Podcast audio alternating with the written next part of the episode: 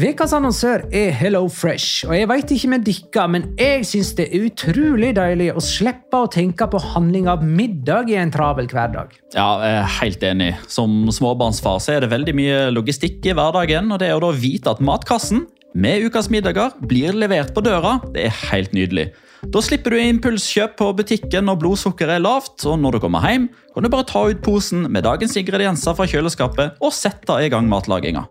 Ja, Du kan velge mellom 25 ulike retter hver uke. Og de har faktisk en egen kategori som heter Raskt og enkelt, med masse enkle og gode oppskrifter. Veldig greit å ikke måtte ty til takeaway hver gang det er hektisk på jobb. Jeg gleder meg spesielt til sterk chilikylling i min neste kasse. Jeg blir sulten bare av å tenke på det. Ja, Det er ikke feil med bacon og cheeseburger heller, da. Og det som også er bra, er at matkassen koster det samme hver uke, som gjør det enklere å holde matbudsjettet. Ja, og så blir det ikke matsvinn heller, fordi du får akkurat det du trenger til hver eneste rett. Hello Fresh kan absolutt anbefales, og bruker du koden vår, LIGALOCA, kan du få opptil 1779 kroner i rabatt på de fem første matkastene hvis du ikke har prøvd Hello Fresh tidligere.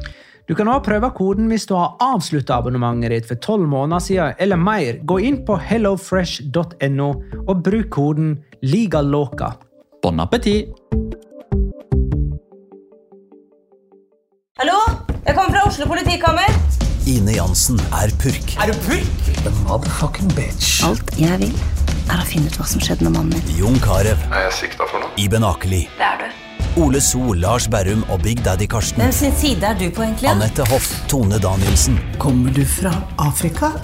Jørnis Josef, Nesten. Kløfta. Trond Espen Seim. Det er synd å si det, men det var feil mann som døde. Purk. Premiere tirsdag på TV2 Play.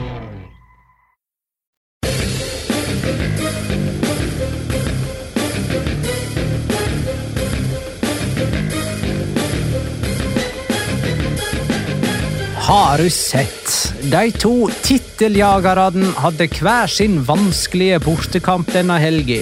Real Madrid fikk det for tøft mot Villarreal, mens Barcelona tok en råsterk seier mot Atletico Madrid. Og nå har jeg sjekka tabellen og er helt sikker. Barcelona leder med tre poeng på Los Blancos.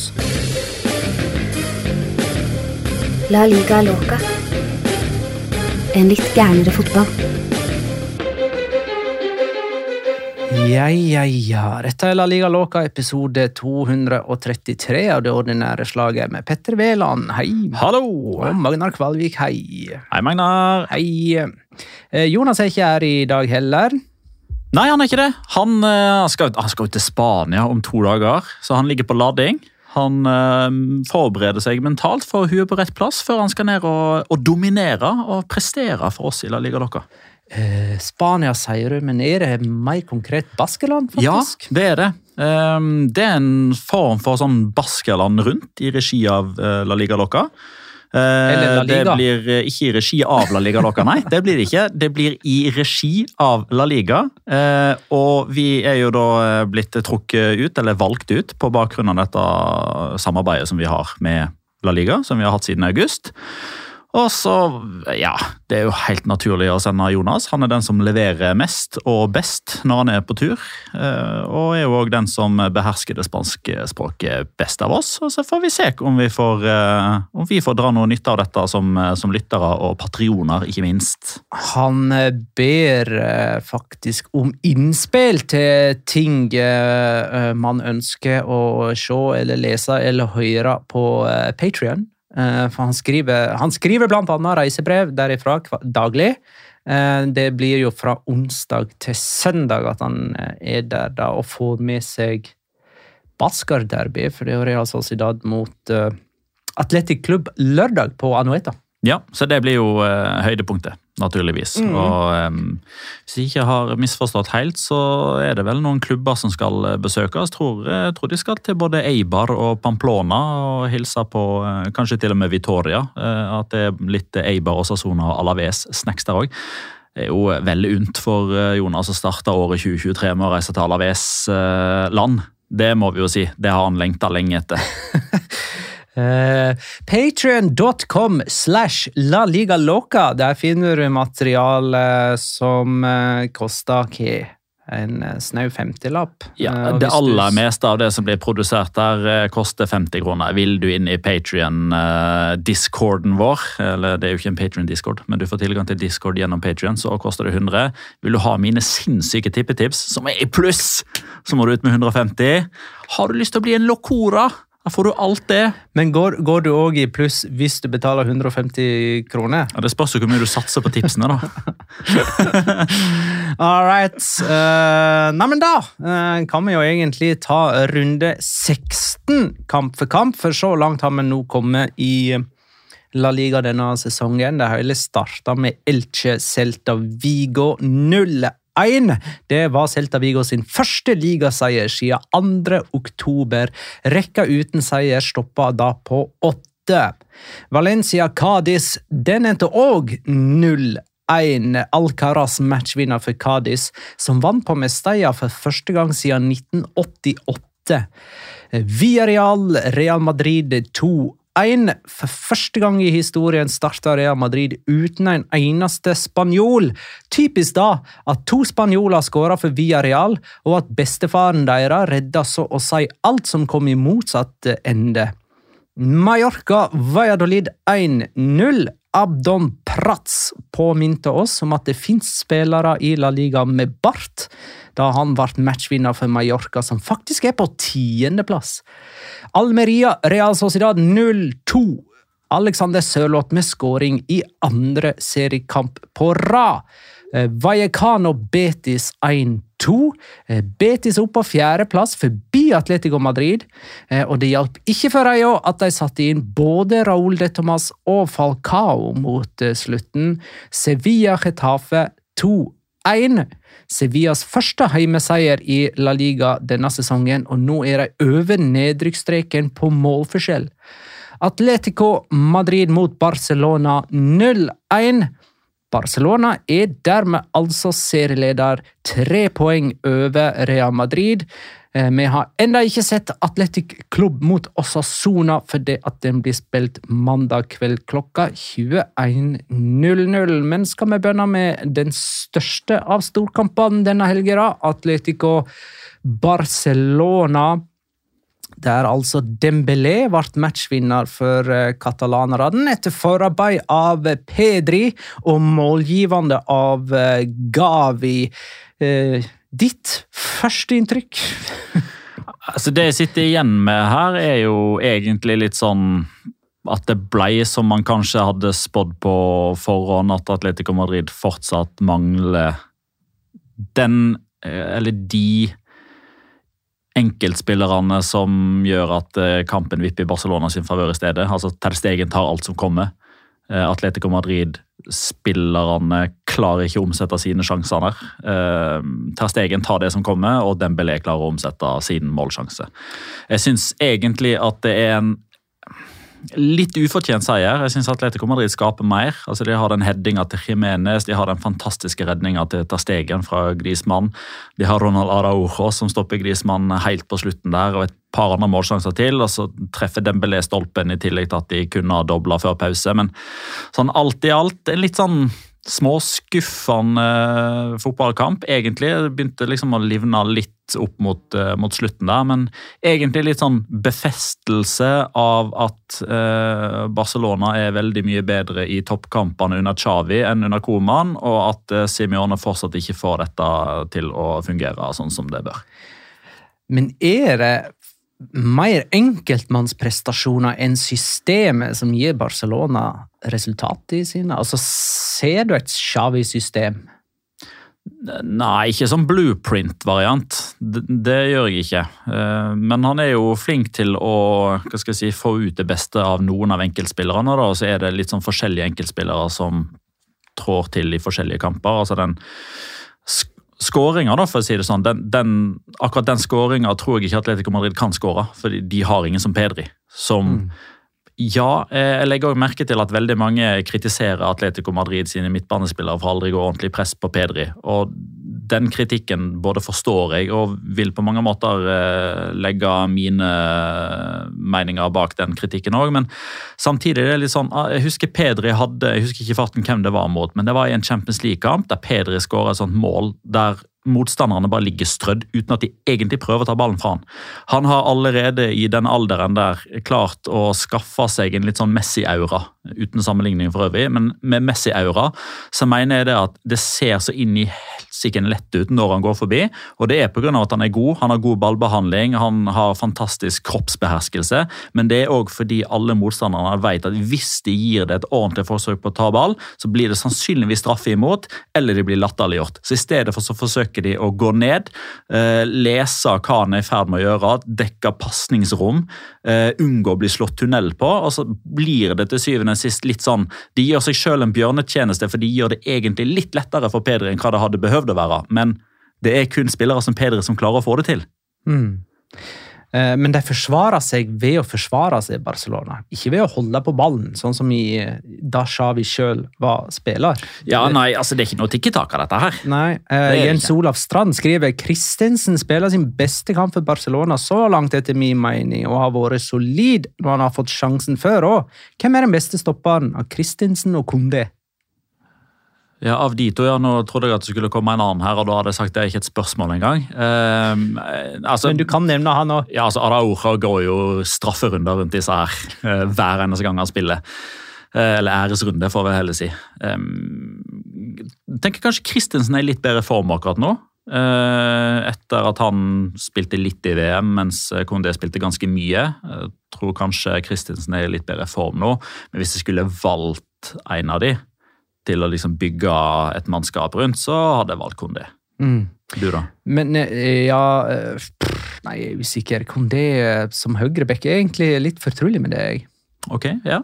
Uh, syns det funka. jeg syns han er bra offensivt. da. Ja. Eh, men det var altså Araujo som hadde den redningen på streken, så sånn sett ble matchvinner i den enden, sammen med Ter Stegen. Da, kan Ja, man jeg, si. jeg elsker midtstoppere som jubler som om de har skåra mål. For det har de jo ikke gjort. Nei, men nei, betydningen det er cirka like stor. Verdt en skåring. Ja. Det er verdt uh, iallfall to poeng, da. Den uh, redningen eh, der Det er spesielt. Her, her kommer faktisk min locora i svira det med en gang. Eh, Barcelona har sluppet inn seks mål på sine 16 seriekamper. I de andre sju offisielle kampene de har spilt, så har de sluppet inn 15. Eh, og det kan ikke bare forklares med at de har møtt motstand på et annet nivå i Champions League, eh, for de slapp nemlig inn tre mål mot Intercity og, i Copa del Rey denne eh, forrige veka blir det. Eh, Intercity fra nivå tre, vel? Ja. Oriol Soldivilla, hadde du hørt om han før kampen? Nei, Nei det hadde det jeg ikke, hadde ikke jeg heller. Jeg hørte masse om han etterpå. Ja. Eh, For han, han hadde visstnok vært i Barcelona-systemet òg. ja, det tror jeg eh, 90% av alle katalanere med navn Oriol har vært. Ja, og Han skåra altså hat trick for Intercity mot, uh, mot Barcelona. Den kampen gikk til ekstraomganger på stillingen 3-3. Og Så var det vel Ansu Fati som ble matchvinner på Ja, eh, Det var det. Kan vi, kan vi, snakke, litt, ekstra, ekstraomganger. kan vi snakke litt om han? Eh, Ansu Fati, Ja. vær så god. Han starta ja men nå, er, nå begynner jeg å bli oppriktig bekymra. Ja. For nå har man alltid hatt en form for, ikke bortforklaring, men kanskje ikke heller ikke en unnskyldning, men en litt sånn plausibel eh, teori. I alle fall syns jeg at det har virka som en plausibel teori med at man har vært litt forsiktig med matchinga. Uh, og han er kanskje litt var for at han har vært mye ute med skade, så han trykker kanskje ikke nok til, og sjøltilliten har fått seg en knekk. Men har liksom alltid trodd at det kommer til å snu på et eller annet tidspunkt. Uh, men så har du liksom det faktum der at uh, VM for hans del var jo ikke bra i det hele tatt. Og det forteller meg ganske mye, fordi Luis Henrique sa jo da VM-troppen ble tatt ut, at Ansu Fati var en av de aller første han tok ut. Det var liksom ikke noe snakk om at han ikke skulle være med, selv om han ikke hadde spilt så mye. Fordi han kom til å få en god matching av Barcelona, eh, eller en forsiktig matching, så det ikke skulle være noe snakk om at han mista VM pga. skade. Og så kom Luis Henrique til å ta nærmere i øyesyn når han kom på landslagssamling, og så fikk han liksom se han med egne øyne. Og så var han ganske sikker da før VM på at Ansu Fati kom til å spille i hovedrolle. Han Spilte nesten ikke i det hele tatt. Og det forteller meg at Luis Henrique har sett han på nært hold og tenkt oi, dette er jo faktisk ikke så bra som vi trodde. Og så har han ikke hatt den samme impacten når han har kommet inn nå i det siste, syns jeg, og får spille fra start her og bidrar med veldig lite, sånn som jeg ser det. Men han spiller altså fra start fordi at eh, nå har Lewandowski karantene. Det har han. Ehm, og man kan jo for så vidt ikke peke nesa mot Barcelona uh, for akkurat denne kampen, da, fordi de vant den 1-0. Men de fikk jo da utsatt karantenen, uh, som gjør at han spilte da mot Español, der han egentlig ikke skulle ha spilt. Den spilte han, den klarte de ikke å vinne. Eh, og det er ikke sånn at de har klart å fjerne den kampen med karantene. Det har jo bare blitt skyvd eh, suksessivt bakover, som gjør at han ikke kommer til å spille bortekampen mot Girona, som han vanligvis da ville ha spilt. Så den kampen eh, er sånn eh, Nesten sånn for historiens skyld så har jeg litt lyst til at Barcelona skal avgi poeng mot Girona. Eh, men når møter de Girona? Det er 29. januar. Men før det så skal de jo møte Getafe 22. Ja, men den januar. kampen hadde han mista uansett. Ja. Det hadde vært den tredje kampen med karantene. Ja, sånn, det er nå ja. den andre. Eh, men de spiller ikke kommende helg, eh, Barcelona. Eh, for da er det Supercopa.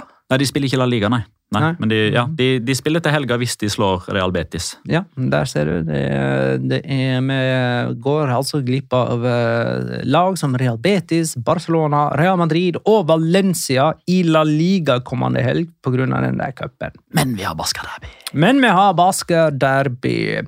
Um, jeg må jo nevne at bare én gang tidligere så har Simiones Atletico Madrid hatt færre poeng etter 16 serierunder enn det de har nå. Eh, De har 27 poeng nå. I 2019-2020-sesongen så hadde de 26, så dette er den nest dårligste hva skal si, nesten halve sesongen under hans ledelse, som altså har vært siden øh, 2012. Ja.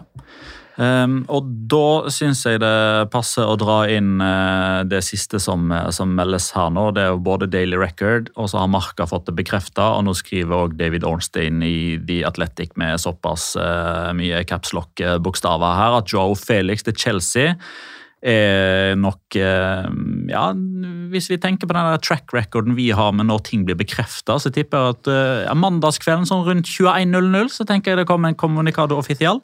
Ja. At han blir leid ut til Chelsea fra Atletico Madrid. Uh, Tilsynelatende uten opsjon på kjøp. Og det er det jeg syns er litt interessant, akkurat dette med at det er et lån uten opsjon på kjøp.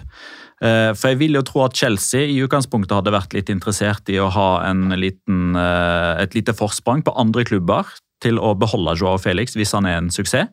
Eh, For hvis han ikke blir en suksess, så hadde de jo ikke trengt å trigge en kjøpsopsjon. Men det at det ikke engang er inkludert, det forteller meg at Atletico Madrid nok ser for seg en framtid sammen med Joao Felix. Ikke på kort sikt, men på lang sikt. Og jeg spekulerer litt jeg spekulerer litt i at det kanskje gjør at de begynner å lefle litt med tanken om at neste sesong så er det ikke Diego Simione som, tre, som trener Atletico Madrid. For at Diego Simione er den eneste grunnen til at Joao Felix blir leid ut nå. Dette må jeg skrive ned. Ja, det syns jeg du kan gjøre. Um, og Joao Felix igjen da har vist seg som en bedre Portugal-spiller enn en Atletico Madrid-spiller de siste to månedene. Fikk sjansen fra start uh, mot eh, Elche. uh, tok den med jeg vi si, tok den med én neve. Spilte igjen fra start mot Barcelona og bidro med eh, om mulig enda mindre enn Ansu Fati.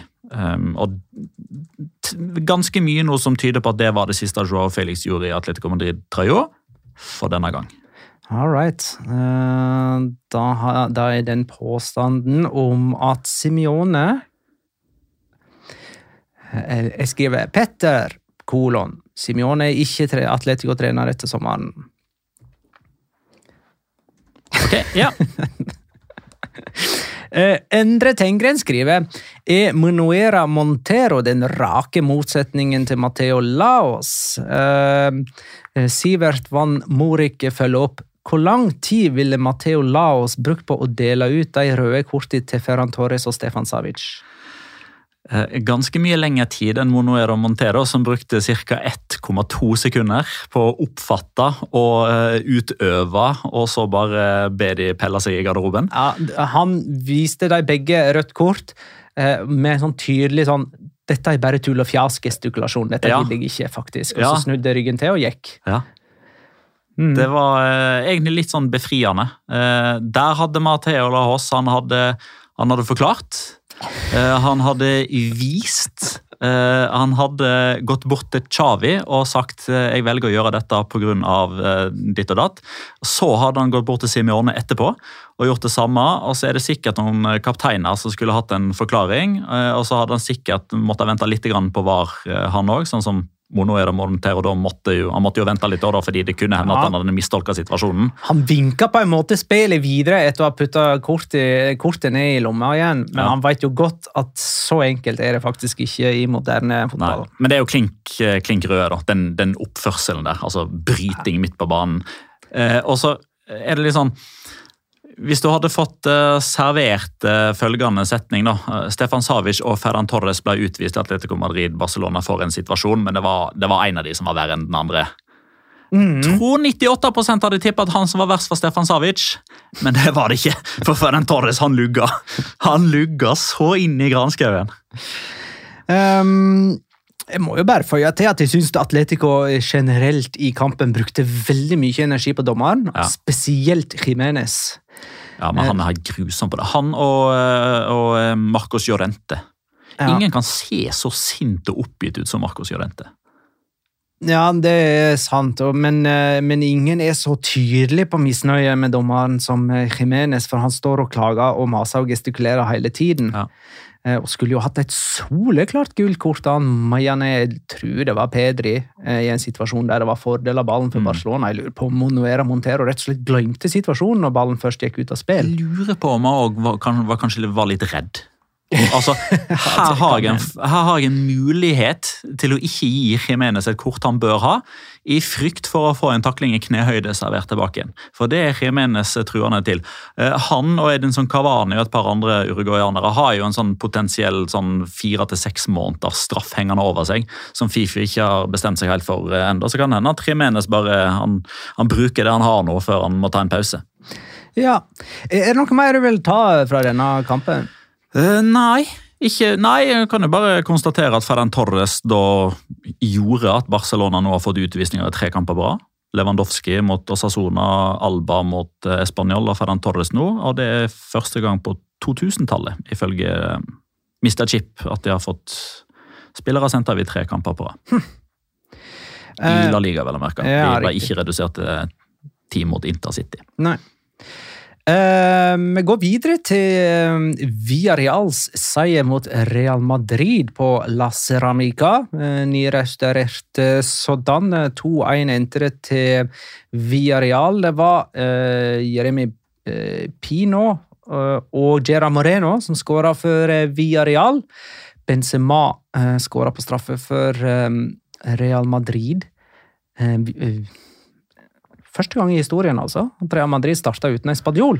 Ja. Fikk en del oppmerksomhet før kamp. Ja, det fikk en del oppmerksomhet, eh, men ikke så mye som jeg egentlig hadde trodd, eller egentlig håpt, eller mener at det bør ha. Altså det, De har spilt 4436 kamper siden den første kampen eh, av offisiell karakter tilbake i 1928. Og det er altså aller første gang, eh, som du sier, at det ikke er en eneste spanjol i startoppstillinga. Det liksom Det er noen rekker som eh, som jeg kommer på, da, som er litt sånn De er litt For min del er de litt sånn hellige, da. Eh, og det her var jo egentlig ikke ei rekke som jeg håper jeg, var klar over eller tenkte over. Det er jo det at Barcelona har stilt med katalanere fra La Masia i x antall kamper på rad. Tilsvarende med Manchester United, som har hatt et, eh, et Carrington-produkt eh, i samtlige kamper i klubbhistorien, tror jeg. Og Sammen med Atletic og den filosofien der. Og så er det vel òg Jeg vet ikke om den policyen er ny, men det er vel Chivas Guadalajara i Mexico som òg har en sånn kan bare bruke lokale spillere-variant. Um, og at det skjer for aller, aller første gang. Jeg hadde liksom sett for meg at det hadde blitt en litt sånn eh, Kan jo liksom ikke markere noe fra klubbens hold, men jeg synes det var veldig mange supportere som var litt Jeg ble litt skuffa over sånne Real Madrid-supportere på generelt grunnlag. For det er den eneste konsensusen som, som jeg så, eh, foruten enkeltpersoner på Facebook-sida til Real Madrid.no f.eks. Men den generelle konsensusen er sånn ja, men det har ikke noe å si så lenge de er madridistas. Altså Det er det som er viktig for oss, at de er madridistas. Men det er liksom Det er jo Real Madrids største klubb. Det er fra den spanske hovedstaden. Eh, det bør bety noe å ha spanjoler i elveren, men det er jo noe som har blitt neglisjert av Florentino Perez egentlig helt fra dag én. Det er litt sånn, det går i takt med globaliseringa av fotballen, men det går egentlig også litt i takt i hvordan Real Madrid som klubb har tenkt i det, de siste årene. For at det, når de skal ut og hente spillere, så skal de enten hente de som begynner å etablere seg i ung alder i ligaen, eller så skal de forsøke seg på liksom de neste store, type Bellingham, Mbappé, Haaland. Eller så er det dette konseptet deres i Brasil. Og det er på mange måter det. Ja, De kan hente en ukrainer her og en kroat her, men det virker som at de har lagt helt fra seg det å hente de største spanske fremadstormene. Og så er det litt sånn, ok, men de, Det er jo ikke sånn at de ikke har spanjoler, men de spanjolene de har, er jo unnskyld uttrykket, de er jo enten forbigått eller for dårlig. Altså, Carvajal er jo nå benka av Militao. De bruker hele Militao på høyrebekken. Odriozola og Jesus Vallejo har spilt null minutter i La Liga til nå denne sesongen. Nacho Fernandes er så langt bak i køen som han aldri før har vært. Han har starta én kamp denne sesongen i La Liga. Mariano Diaz har fire innhopp. Dani Ceballos åpenbart benka for Kroos og Modric når de topper laget. Ascencio forbigått og passert av Federico Valverde, og Lucas Vasques er jo bak henholdsvis Ascencio og Carvajal i køen, på de to på høyresidene. Så det liksom, dette har vært en litt sånn varsla katastrofe, i den grad man kan kalle det for katastrofe. Eh, jeg synes det, det er noe helt feil altså når Spanias største klubb spiller en La Liga-kamp uten at det er en eneste spanjol fra start. Eh, Mariano Diaz representerer Den dominikanske republikk, eh, bare Ja. så at det er sagt. Ja, sånn landslagsmessig, ja. Eh, Men sånn ellers så har jo Sånn tidligere så har jo på en måte Real Madrid alltid hatt en slags spansk gallionsfigur. Sånn Raúl, Casillas, Ramos Nå eh, Goti. Ja, Goti. eh, Nå, nå, er det, nå er Dani Carvajal faktisk nærmest å Ja. være den.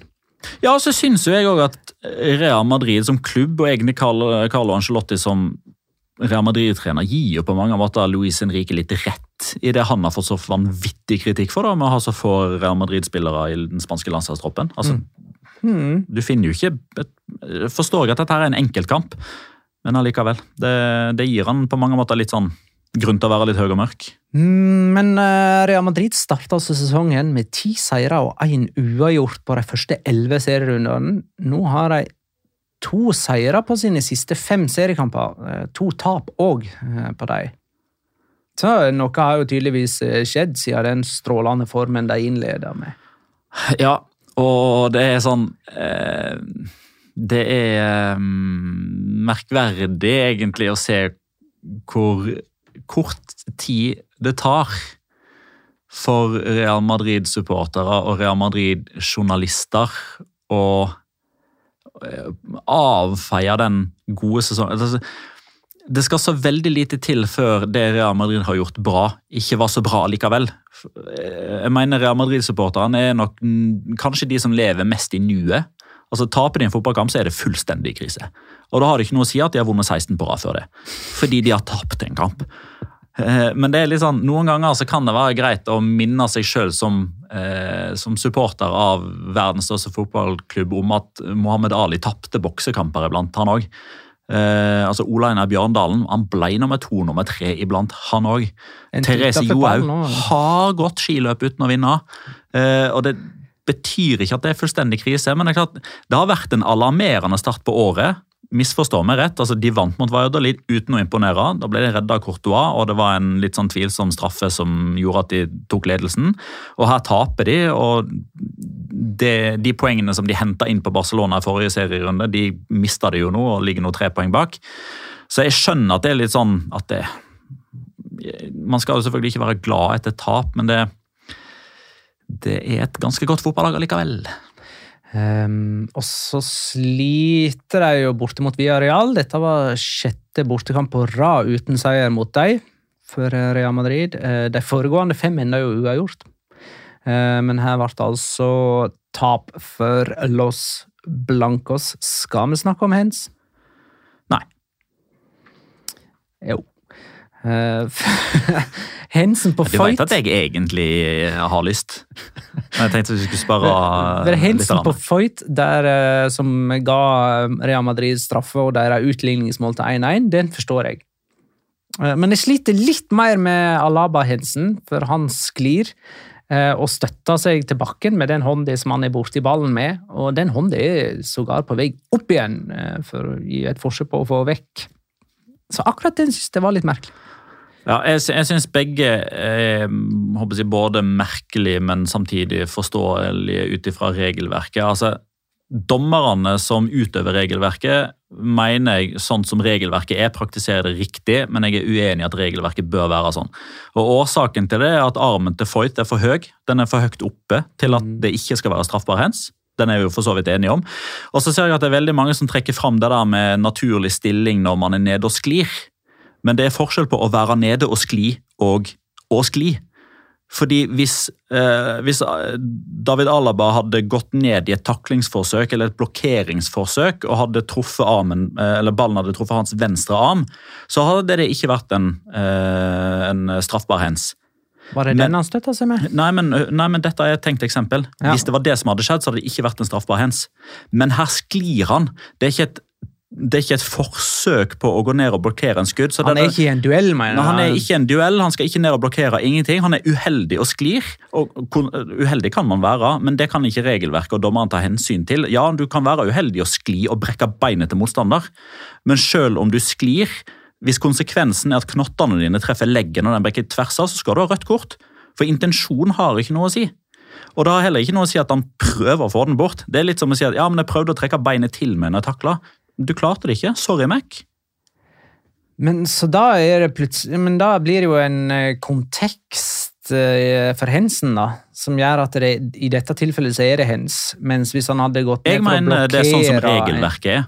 For det, fordi veldig Hvis han som hadde ikke skledet, men uh, gått ned for å blokkere et skudd, så hadde det ikke vært hendt? Ja, hvis uh, ballen da hadde truffet den armen som han da støtter seg til med, fordi det er naturlig. La oss si at hvis du løper mot målet, og du har en motspiller på din høyre side, sant? da er det naturlig at du sklir ned med din høyre arm. Ja, det spørs om fall ja, eller, Jo, ja, men selvfølgelig, Du blokkerer jo ikke med ryggen, du, du blokkerer jo med magen i så fall. Du, du ser jo alltid på ball. Du snur deg jo den veien ballen er når du skal blokkere. ja, du, Nå har du motstanderen din på høyre side. Ja, Ja, da, nei, da tenker jeg at det er naturlig å gå ned for å blokkere med, og støtte det med venstre arm. Nei, nei, nei. nei. nei, nei. Se, se for deg nå at meg og deg er en løpsduell. Ja. Ned mot dørlinja. Ja. Jeg er på høyre og skal legge inn. ja. Ja. Da skal du ned og skli. Da skal jeg ned og skli med høyrefoten min for å blokkere det innlegget. Du går antageligvis ned med begge to. Du ligger jo langflat der du ligger, ikke sant? Ok, Hvis jeg går inn med begge føtter? Ja. Da skal du ned og støtte med høyre. Og, du, og, og, og Det er ikke en straffbar hands. Derimot treffer den venstre, og den er høyt oppe. Da er det straffe. Ja, men eh, ja, jeg skjønner ikke hvordan det Dette skulle ha vært en videopodkast. skulle ha vært en videopodkast. Jeg skjønner fortsatt ikke hensen til eh, hvorfor den ble straffbar, den til Alaba. Fordi det er en hands som er ut av kroppen, som stopper et gjennomspill. Eh, Ja. Og du kan ikke skjule deg bak at det er en naturlig eh, stilling. Jeg trodde det der kontekstgreiene var viska ut i dagens hens-reglement. ikke. Ja. Nei, eh, så er det kontekstet der. Og, og, og derfor snakker ikke vi så mye om hens. Jeg prøvde å advare deg. Eh, tre seire på rad for, eh, i La Liga for Villarreal. Ja, Seks totalt Seks totalt. mm, i alle turneringer. Ja, seks på rad. Mm. Mm. Så jeg setter igjen han er på sporet. Ja, nå begynner det å se bra ut. På- I denne kampen her så er de gode. Det var en god fotballkamp. Ja, det var det. Raoul Albiol best av alle. 37 år. Ja, jeg eh, mener kanskje ikke det, men eh, det kan jeg komme tilbake til. Ja. Skal vi først bare snakke litt om deres evne til å bomme på åpen mål? Ja, først Gerard Moreno, så Danjuma. Eh, Forrige kamp var uh, Gerard Moreno, denne gangen Danjuma. Ja. Eh, det var en sånn type spådom som skulle gjerne ha kommet med før sesongen, der du liksom har sånn random eh, Hva slags wacko-ting kommer til å skje denne sesongen? her? Ja. Eh, Jonas hadde jo for eksempel eh, Hva var det han sa i august? Eh, jo, Pepe Reina kommer til å bli den første spilleren som får rødt kort fra benken. Så det er sånn konkret sånn her eh, Ja, ikke sant? Det, det kan jo skje seinere, men han- ble jo ikke den første. Han ble ikke men det- den første. kan- men akkurat nå så skal han jo heller ikke være på benken, for Villarreal har jo solgt Geronimo Rulli til Ajax. Nemlig. Så nå er jo eh, 72 år gamle Pepe Reina førstevalg. Det er han. Eh, og jeg skulle gjerne ha sagt i august. eh, I løpet av sesongen kommer ett lag til å bomme på åpen mål to kamper på rad. Men det, det gjorde jeg altså Etterpå ikke. Etterpåklokskap, vet du. Skeit, altså. Men hva var det du sa?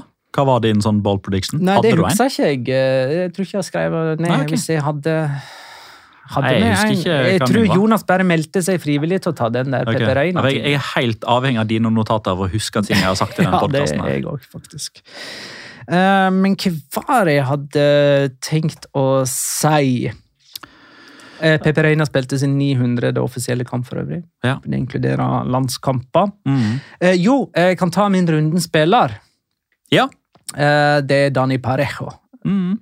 Han er elegant på midtbanen. Han er, eh, og var kjempegod i denne kampen, han er på en måte eh, han, For meg så ser han så nonsjalant ut at han eh, ikke tenker konsekvenser. Altså, han er en sånn som kan slå en dristig pasning på egen banehalvdel. Eh, Der folk flest vil spørre seg hva er konsekvensen hvis jeg bommer på denne uh, pasningen her, mens Parejo tenker da sånn Hæ? Konsekvens har jeg aldri hørt om. Aner ikke hva er for noe. Så han slår den pasningen, og vips så har han løst opp ei hel floke, og Villarreal kan gå i angrep. Herlig elegant eh, spiller, så min nominasjon til rundens spiller der. Ellers så er det jo verdt å snakke om, eh, når vi er inne på Real Madrid, da, at eh, Gareth Bale nettopp har annonsert at han legger opp i en alder av eh, 33. Og da spør eh, en ivrig lytter på 30 fra Oslo sentrum, ved navn Jonas, eh, vil Gareth Bale bli ansett som tidenes mest undervurderte fotballspiller, til tross for at han var tidenes dyreste og spilte nøkkelrolle i å sikre Real Madrid to Champions League-titler i 14 og 18, samt en Copa del Rey-tittel i 2014. Og så var han jo med på ligatitler òg, da. Det var han. Åh, nå skulle vi hatt Jonas her til å svare. Her tror jeg han hadde hatt et godt svar. Vil du begynne, eller? Jeg veit ikke om det går an å bli ansett som tidenes mest undervurderte spiller. Er ikke du bare, hvis du er undervurdert, så blir du liksom ikke vurdert. Da er du undervurdert. Ja. Eh, og jeg mener jo for så vidt eh, at da han vart, eller da han gikk fra Real Madrid, at det der undervurderte eh, ble kommunisert ganske mye Mm. generelt. da. Ja. At det, det har nesten blitt en sånn ting um, rundt Gareth Bale. Ja. At han ikke får den anerkjennelsen han fortjener. da. Ja, absolutt. Um, altså, mi, mitt take, eller min take, på Gareth Bale um, Det er at om han ikke er tidenes mest undervurderte, så tror jeg i alle fall at eh, hans eh, rykte og renommé har ei voldsom slagside med tanke på hva man velger å fokusere på. I alle fall hva man har valgt å fokusere på eh, den siste tida. Men igjen, da. Jeg kan jo egentlig bare si litt det samme som jeg sa forrige uke siden, at fotballsupportere de er veldig opptatt av det som nettopp har skjedd. Eh, Og så er det først når man får det på avstand at man kanskje tar inn over seg hva vedkommende faktisk betydde. Og det er jo sånn, Når Eden Hazard på et eller annet tidspunkt velger å legge skoene på hylla, så mener jeg jo at da må man fokusere på Chelsea-perioden når man skal huske han, og ikke Real Madrid-perioden. Og når det gjelder Gareth Bale, da, han har eh, i Real Madrid-sammenheng eh, så har han spilt 258 kamper, og han har 173 målpoeng. Det er ganske solide tall. Han har eh, i varierende grad bidratt til at klubben i løpet av den perioden har tatt 16 trofeer. Det er et par ligatrofeer der og noen Champions League-trofeer de klarte å ta uten at han bidro nevneverdig. Men han har vært svært delaktig i i hvert fall et par av de, som eh, han 30-åringen fra Oslo i spørsmålet her påpekte. Og totalt sett Og nå eh, skal jeg komme med min teori om hvorfor Gareth Bale velger å legge opp eh, akkurat nå. Han har spilt 665 tellende kamper for klubb og landslag. Han vil ikke spille nummer 666, for han er kristen og tror at eh, djevelen er roten til alt vondt. Så Derfor legger han skoene på hylla nå. Men uh, han kunne jo ha spilt 667. Ja, men han ville ikke spille kamp nummer Å ja, 666. sånn. Han ville ikke på noe Nei. tidspunkt under noen omstendighet stå på 666 kamper. Ja, det er min teori Ja. om hvorfor akkurat nå. I tillegg selvfølgelig nytt år, nye muligheter og lyst til å spille litt mer golf og tilbringe mer tid med familien. Jeg tror han har en plan. Det tror jeg Eh, òg. Og det kan fort være Men jeg tror ikke den har med fotball å gjøre. Nei, men jo, ja, ja. Det- Eller kanskje at fra sånn utenfor Ja, sånn ekspertise. Pundit i en eller annen kanal, eller ja, det, det kan hende at han har lyst til å prøve. Jeg tror ikke det er det han har mest lyst til akkurat nå. Men Altså, jeg tror ikke han blir trener, jeg tror ikke han blir sportsdirektør eller klubbpresident. Jeg tror ikke han kommer til å ha en sånn aktiv rolle innenfor fotballen. Jeg tror han er lut alene. Kan kanskje hende at han hvis han får det på avstand, så jeg håper jeg, finner han tilbake til gleden med fotball osv. Jeg, videre. han- jeg tror han mista den for ganske lenge siden. Eh, men eh, du skal ikke se bort fra at han nå går litt sånn i eh, Ikke i fotsporene til Gerard Piquet og eller Cristiano Ronaldo, om at han, han brander seg opp utenfor banen. Ja. David Beckham. Jeg tipper han har en eller annen avtale, en eller annen kontrakt på et eller annet felt som han De har ofte det når de velger å, å annonsere midt eller er jo ikke midt i sesong i USA nå, hvis jeg ikke tar helt feil, men de, de pleier å ha planen klar når de kommuniserer sånt. Det er mulig han kanskje er litt for beskjeden til å komme med spissa uttalelser som pundit. Det er gjerne det man vil ha i TV-verdenen. Ja, og så veit jo han òg hvordan det er å være mottaker av sånne krasse, harde spissa meldinger. Nemlig. Men det hadde jo vært helt fantastisk kult om han plutselig ble pundit i en spansk TV-kanal og, og snakka flytende spansk og bare slo hardt med knyttneven. Det hadde vært kult. Og så hudflettene, de utenlandske spillerne som kommer til Spania og ikke lærer seg spansk. Nei, men er vi ferdig med Villarreal uh, Real Madrid? Ja. All right. Da må vi se på lag nummer tre på tabellen. Eh, Real Sociedad de slo Almeria med 2-0 borte. Lareal La Real har nå ei luke på fem poeng ned til Atletico Madrid, som altså er på femteplass. Um, Sørloth har skåra seks mål på, siste, eh, på sine siste sju offisielle kamper. Det inkluderer jo et for eh, Norge. De har sin beste sesongstart på 20 år! Ikke hatt så mange poeng etter 16 serierunder siden 02-03-sesongen. Var det da de leda til den 36. serierunden, og så mista den Høres veldig sånn ut. Ja. Ja. Uh, fikk et tips her fra Kristoffer Riis Lunde. eh, Real Sociedad TV har lagt ut på eh, YouTube et intervju med Sørloth på norsk. Uten teksting eller noe ting. Ja. Der han gleder seg til Basker Derby. Så nå har de bare blitt norske.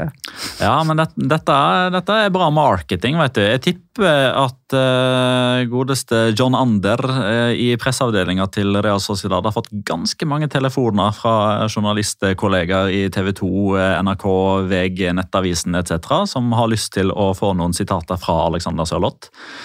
Og så vil de nok ikke at eh, han skal bruke veldig mye tid og energi inn mot den kampen på å svare på masse henvendelser. Så here we go. Her har dere sitatene. Ja.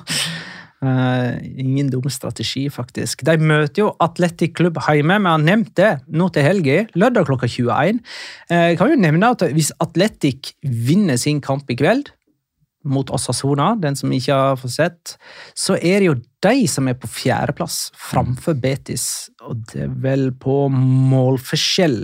Eh, Så da har du altså Basker-derby mellom lag nummer tre og fire på tabellen. Det kan ikke ha skjedd så veldig ofte i moderne tid på dette tidspunktet av sesongen. Nei, det, jeg, jeg har ikke tall på det, eller historikk på det. Nei.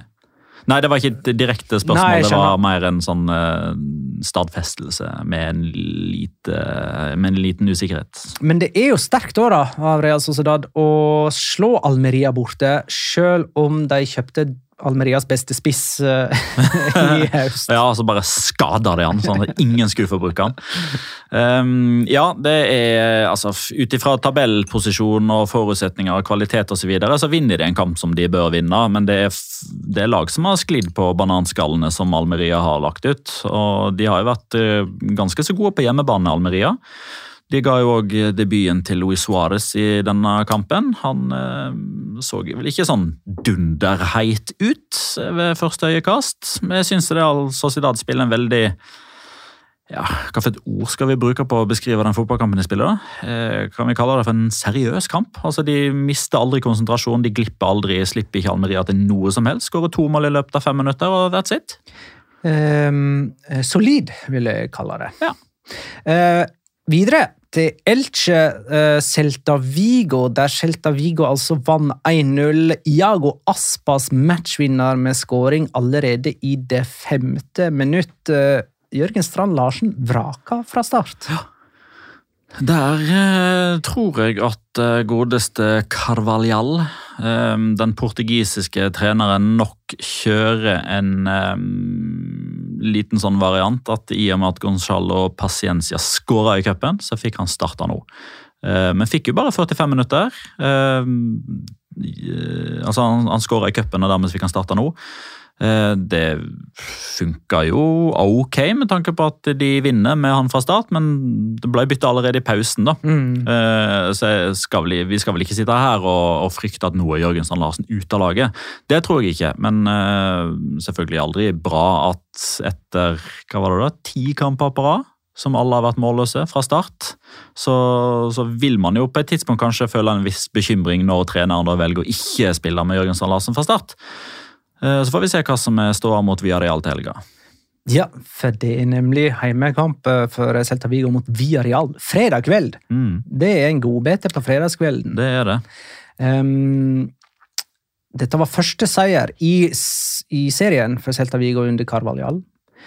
Um, Elche har altså 16 seriekamper uten seier. Eneste lag uten uh, en trepoenger. Og det er andre sesong på rad at et lag går gjennom de første 16 seriekampene uten seier. Elche denne sesongen. Levante forrige sesong. Og det Er det- er en fellesnevner? der.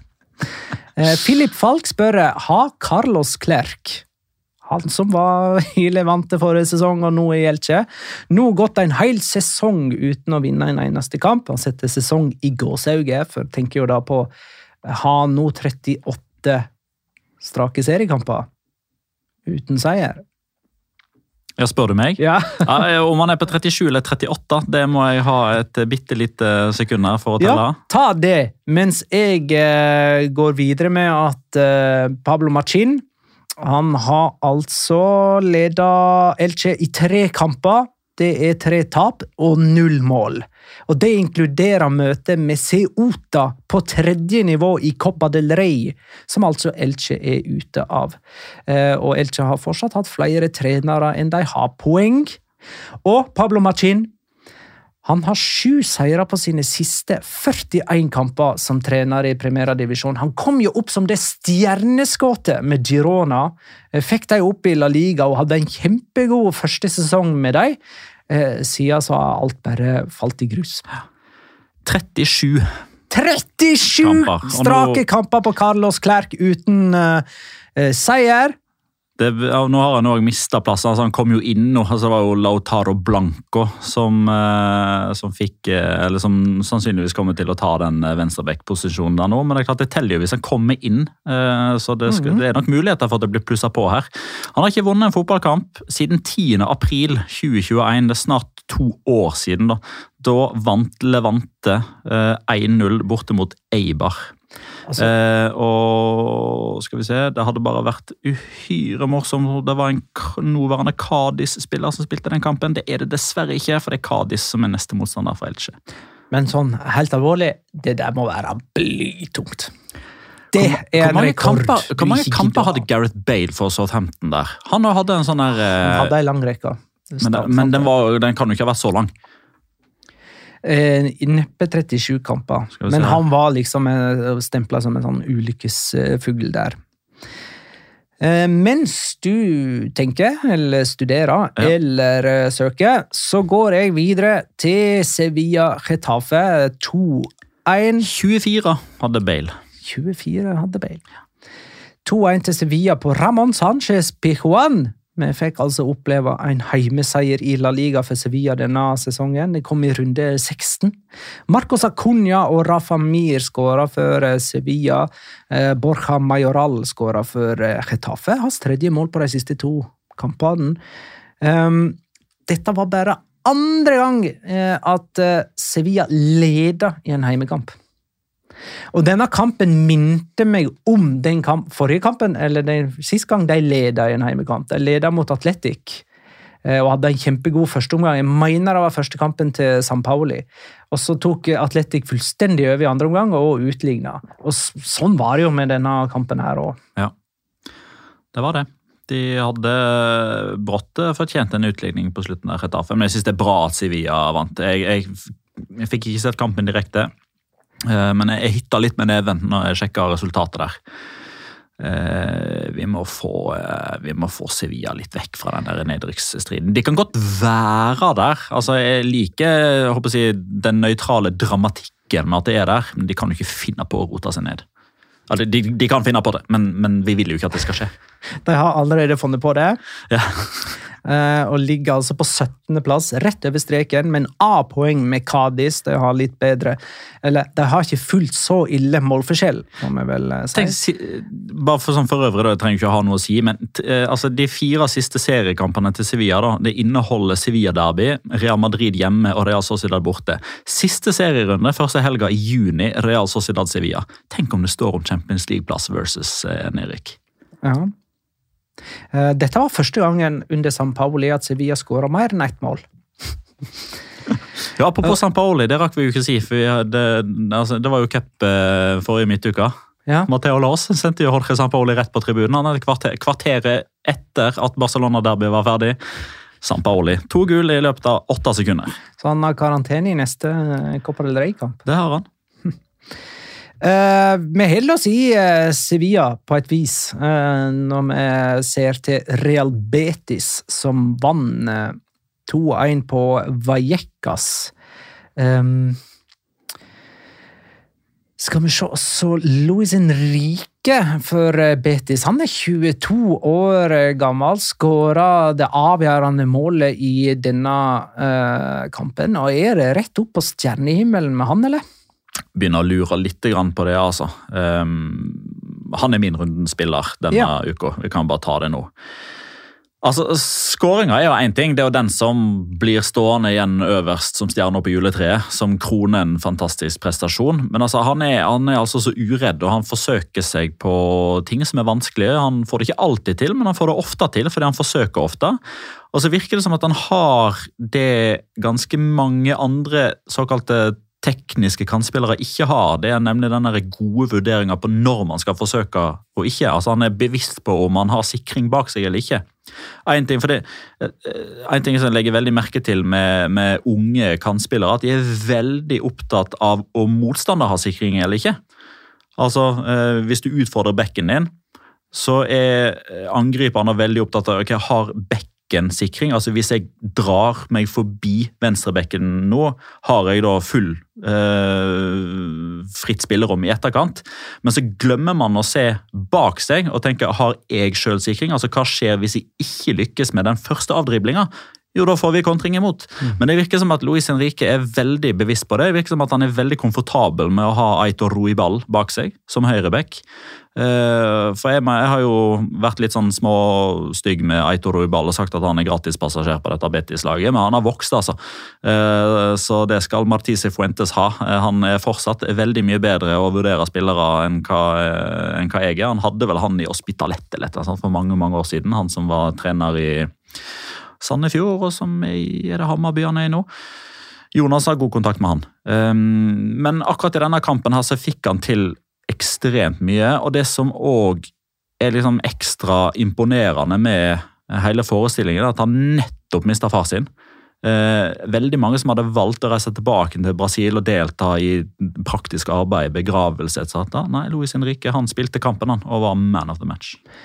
Eh, under Manuel Pellegrini så har Betis flere seire borte enn hjemme. De har 33 borteseire og 31 hjemmeseire. Eh, og det er ikke det jeg forbinder med Betis. forbinder dem med å være et vesentlig Ja. sterkere hjemme enn bortelag, Ja, for å si det sånn. Ja. Um, Betis er det eneste laget som ikke har skåra med HV denne sesongen. Men uh, Ivan Baljo, er det det man kaller han? Eh, Han? han skåra jo sjøl måla for dem med HV. Eh, Rayo Vallecano-spilleren. Eh, årets drittmål, kanskje. Det. Eh, ellers så fikk jo Raúl Tomàs eh, debuten sin for eh, Rayo Vallecano. Han hadde en sjanse òg, men da var han jo vel uansett i offside. Ja. Eh, men det, Men, men jeg kommer til å si det så lenge den statistikken holder. Han har fortsatt ikke skåra for deg han Vallecano. har ikke skåra. Du tippa at han kom til å skåre null mål. Mm, Jeg snakket med Jonas, han hadde meldt akkurat det samme. Oh, eh, men da fører jeg opp det òg, for vi fikk jo ikke hans spådom i forrige. Jonas sier òg null mål på eh, Raúl de Tomàs Ja, i Rayo denne ja. sesongen. Mm. Greit. S- eh, sånn. Um, det var, var ikke det en ting til jeg skulle si før eh, vi gikk eh, videre. Det var det, og det er at dette var Rayo sitt første tap etter sju strake uten nederlag. Ja. Uh, Valencia Cádiz endte 0-1. Eh, og som jeg sa tidligere, første seier for dem på Mestalla siden 1988. Har du noen forklaring på hva som skjer i uh, Valencia? Eller har vi forklart det nok? Er vi, er vi ferdig med å, uh, å snakke om hvor ille det er i Valencia? Ja, altså jeg syns nesten vi har vært litt sånn eh, på grensa til å avlyse den krisen og sagt at nå er det gøy med Gattuso og, sånn. Men jeg så en statistikk her, jeg glemte å notere den ned. Eh, men det var det, en, om det er seiersprosent eller om det er antall poeng etter 16 serierunder, det, det husker jeg ikke i farten. Men han har hvis man ser utelukkende på den type statistikk, så har han de dårligste tallene i Valencia siden Gary Neville. Um, og 0-1 hjemme mot Cádiz er jo grusomt etter at de eh, taper lokalderbyet mot Viadial, som starta ganske bra. eh, og så fikk de en eh, negativ snuoperasjon der. Så nå er de jo ja, akkurat der som de dessverre er forventa å være. Um, Cádiz har nå slått både Atletic, Atletico, Madrid, Barcelona og Valencia med 1-0 på bortebane de tre siste sesongene. Og Det er slik Atletic to ganger på, Mm. i den eh, perioden. De, har, de rammer på bortebane mot de største. Ja, det er det. Ruben Alcaraz med skåring. Det som jeg syns er verdt å nevne i forbindelse med Kadis her, da, det er at eh, min eh, respekt for de som klubb har vokst litt. Oi! For Da, da, jeg tar denne her først da, eh, fra Kristian Halvorsen. mm, Nå syns jeg alle tre i studio, det blir altså to, da, eh, skal si en pen ting hver om Kadis. det passer bra. Ja. Veldig bra. Um, for jeg har jo vært kritisk til Sergio og måten de spiller på, at de er kjedelige, og at jeg må uh, komme meg til Cádiz i år, uh, 2023, hvis jeg skal se de i La Liga, for neste sesong så er de ikke der. Uh, men den Det kan godt hende at det bare er en tilfeldighet, men jeg velger å anse det som en gest eh, som er veldig bra. For José Mari kom jo inn, han er klubbkaptein, Han som har vært lengst i klubben. Han kommer inn, han ødelegger kneet sitt. Altså Det er leddbånd, det er korsbånd, det er menisk. Alt rykker. Han er ute lenge. Eh, og dette informerer jo da Kadis om, en såkalt parte medico, som kommer på Twitter og på hjemmesiden. En halvtime etterpå, ny kontrakt. Ett års forlengelse.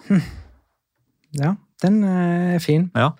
Eh, Min positive ting om Kadis Cádiz er at eh, raidet til Ruben Sobrino i, i forarbeidet til denne skåringen, det var rundens raid. Ja. Han starta på egen banehalvdel. eh, Og hadde en eh, rålekker eh, målgivende pasning til Alcaraz. Og Ruben Sobrino, selvfølgelig da, eks-Valencia-spiller. Ellers så følger også Chris Robin Eriksen opp med, med tre positive ting om Kadis, eh, som svar på den tweeten. Eh, fin by, bra uteplasser og fine strender. ja. Kul duell på sidelinja her, da. Gennaro Gattuso mot Sergio Gonzales. Ja, eh, nesten som to dråper vann. med, med Sergio med, med skjegg ser nesten ut, ut som Ja. Gattuso, faktisk. Ja, Kanskje de uh, utbytta såpass mye svette i eh, disse to legendariske kampene Små mellom og kompakte. Milan og Deportivo i Mhm. Champions League 2003-2004. De to kampene spilte jo Gattuso og Sergio. Eh, så kanskje de satt fast noen gen i hverandre der som gjør at de bare ligner og ligner mer på hverandre etter hvert som tida går. Eh, Cádiz vant denne kampen med mindre enn 26% ballbesittelse. Men det er vel stort sett sånn de vinner fotballkamper. Men Ja. selv for dem så var dette rekord, altså. Mm. Eh, kan du ta Mallorca Valladolid som neste kamp nå? Jeg kan godt eh, gjøre det. Ja. Jeg vil bare først spørre, fikk Castillejo hånd i utaledd? Altså sånn håndledd? Det så litt sånn ut på det Det så helt jævlig ut. Ja, det, det så vondt ut. Eh, Men vet du hvem som òg spilte den kampen i eh, 2003-2004 mellom Milan og eh, Deportivo La Coronia? Det var åpenbart eh, 24 til da, med innbyttere, men Mm -hmm. Er dette en overgang til Mallorca Valladolid? Ja. ja. En Mallorca-spiller. nei, det er så gammel er han ikke eh, nå, En liksom. Valladolid-trener. Nei. det var ikke Pacheta, og det var ikke Javier Aguirre. Uh, nei, det vet jeg ikke. Lionel Scaloni, vet du hvem som fikk ta æresavspark før Mallorca Valladolid? Scaloni? Ja, vet du hvor mange kamper Lionel Scaloni spilte for Mallorca? Tre. Han spilte litt mer da, 34, men altså, han spilte jo 220 kamper for Deportivo.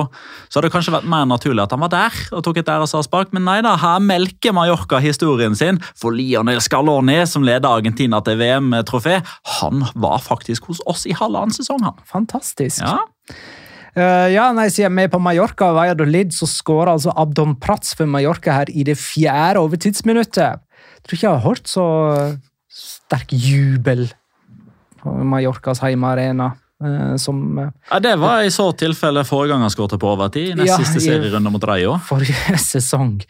Eh, Mallorca har fremdeles ikke skåra et eneste mål med høyre. Det syns jeg er verdt å påpeke, helt til det faktisk skjer. Hvis det skjer. Nå begynner jeg faktisk å tvile. Vet, vet du hva? Vet du hva som hadde vært gøy? Eh, Nei, fortell. At den rekka blir brutt av Vedat Modici, som får en ball ut 45, og så avslutter han med venstre, men den går via stamfoten. Eller at han kjører John Gidetti-Finto, husker du den? Ja, For Alaves mot Barcelona. men ja, for han skjøt via standfoten hyppig. Ja, det var Gidetto-Finto det. Um, da er siste kamp Espanjol Nei, det er det ikke. Jo. Jo, det er det faktisk! Jeg måtte bytte om Mallorca, var lyd og greier. Uh, eh, Girona 2-2.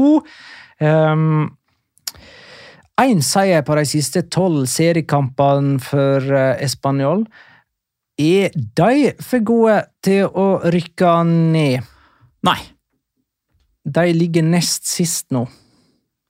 det er ganske ekstraordinært.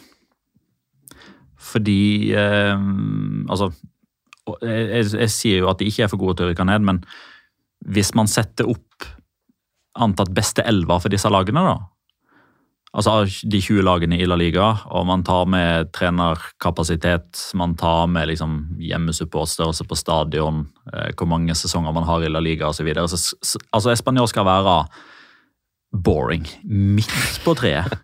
De skal vinne 13, de skal spille uavgjort i 15, og de skal tape 10. Eh, eventuelt omvendt. Men eh, de, skal være sånn ustabile, litt vanskelig å forstå seg på. De skal sjokkere litt her, og så skal de skuffe litt der. Men Det er jo aller første gangen i Diego Martinez i trenerkarriere at han er trener for et lag under nedrykksstreken. Aller, aller første gang. Eh, og dette er da altså, og han har hatt nå- Granada. han har hatt Granada og ganske mye annet fælt. Så etter 218 serierunder totalt i trenerkarriere, og så er han under streken for første gang. Så jeg er litt spent på hvordan han reagerer på det, og ikke minst om Español som klubb reagerer noe på det. Var det locoraen din? Nei, locoraen min er at uh, Altså, det er 365 dager i året. Eh, Bortsett fra hvert fjerde år. Ja, men i år så er Ja, det, det er det, det er riktig. 365 dager i året. Uh, og i løpet av en fotballkamp eh, nå da i moderne fotball, så er det 32 spillere som kan være uh, involvert. Eh, så den statistiske sjansen Jeg har ikke gidda å regne det ut, for det er så forsvinnende liten. Den statistiske sjansen for at to spillere som spiller i den kampen, har bursdag, og begge skårer mål på bursdagen sin. Den er liten, den. Den er liten. Men det skjedde. Tony Villa og Jangel Herrera hadde begge bursdag 7. januar. Begge skåra mål i kampen. Fantastisk. Det er pokkeri med samme lag òg, til og med. Ja, Det, det forminsker sjansen ytterligere. det gjør det Eh. Jangel Herrera, som var på lån i Español forrige sesong, han er på lån hos eh, Girona nå og skårer altså 2-2-målet på tampen. Basert på feiringa så virka det ikke som han hadde det så bra i Spanjol. For der var det en liten peineta, nesten. Nei, Det var ikke en sånn beklage Nei, nei, nei, nei, det var håndgester opp mot fansen. Eh, Den evig utlånte Jangel Herrera fra Manchester City. Ja. Eh, skal du òg nevne den skåringsstatistikken til Girona? Eh, At de ikke har holdt nullen, eller? Nei, De har ennå ikke skåret med venstre. Ja, ja men den er ikke så uh, Nei, fordi det er flere høyrebeinte enn Ja. Mm. Nei, men greit. Da har vi nevnt at Mallorca ikke har skåra med høyre. Real Betis har ikke skåra med hodet, og Girona har ikke skåra med venstre. Og Atletic Klubb er en av eh, klubbene som ikke har skåra på corner ennå. ja, der er det faktisk tre til, tror jeg. Ja, det er fem, Ja. fem klubber. Men at Atletic er en av dem, jeg syns det er litt overraskende. Men den har kanskje kommet, den cornerskåringen, Ja. når folk hører dette. Jeray Alvarez. All right! uh, nei, men eh, Da kårer vi runden spiller, og er egentlig med på at Luis Henrique er den vedkommende. Ja. Mm.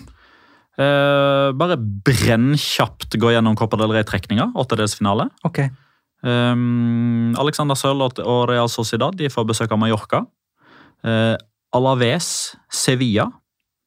Og så er det Atletic mot Español. Det er jo en klassisk La Liga-kamp. Det er faktisk det sjette, flest, uh, altså sjette mest spilte kampen i La Liga-historien. Um, Levante, Atletico Madrid.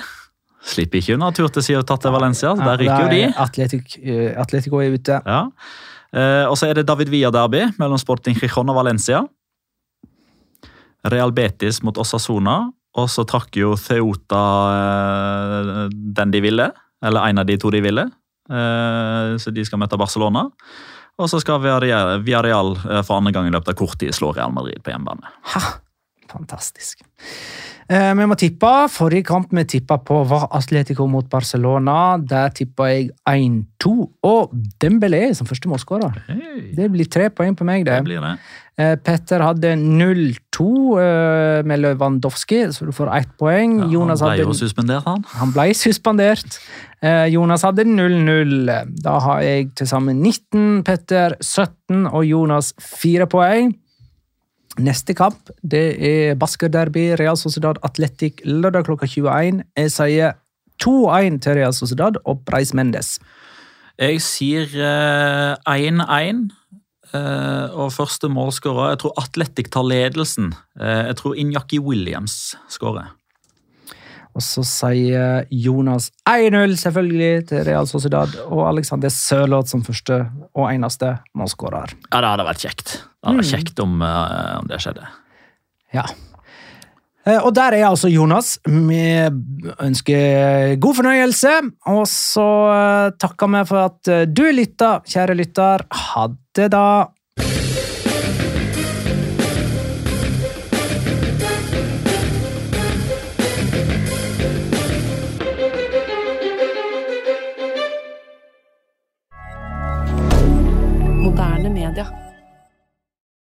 Har du et enkeltpersonforetak eller en liten bedrift? Da er du sikkert lei av å høre meg snakke om hvor enkelt det er med kvitteringer og bilag i fiken, så vi eh, gir oss her, vi.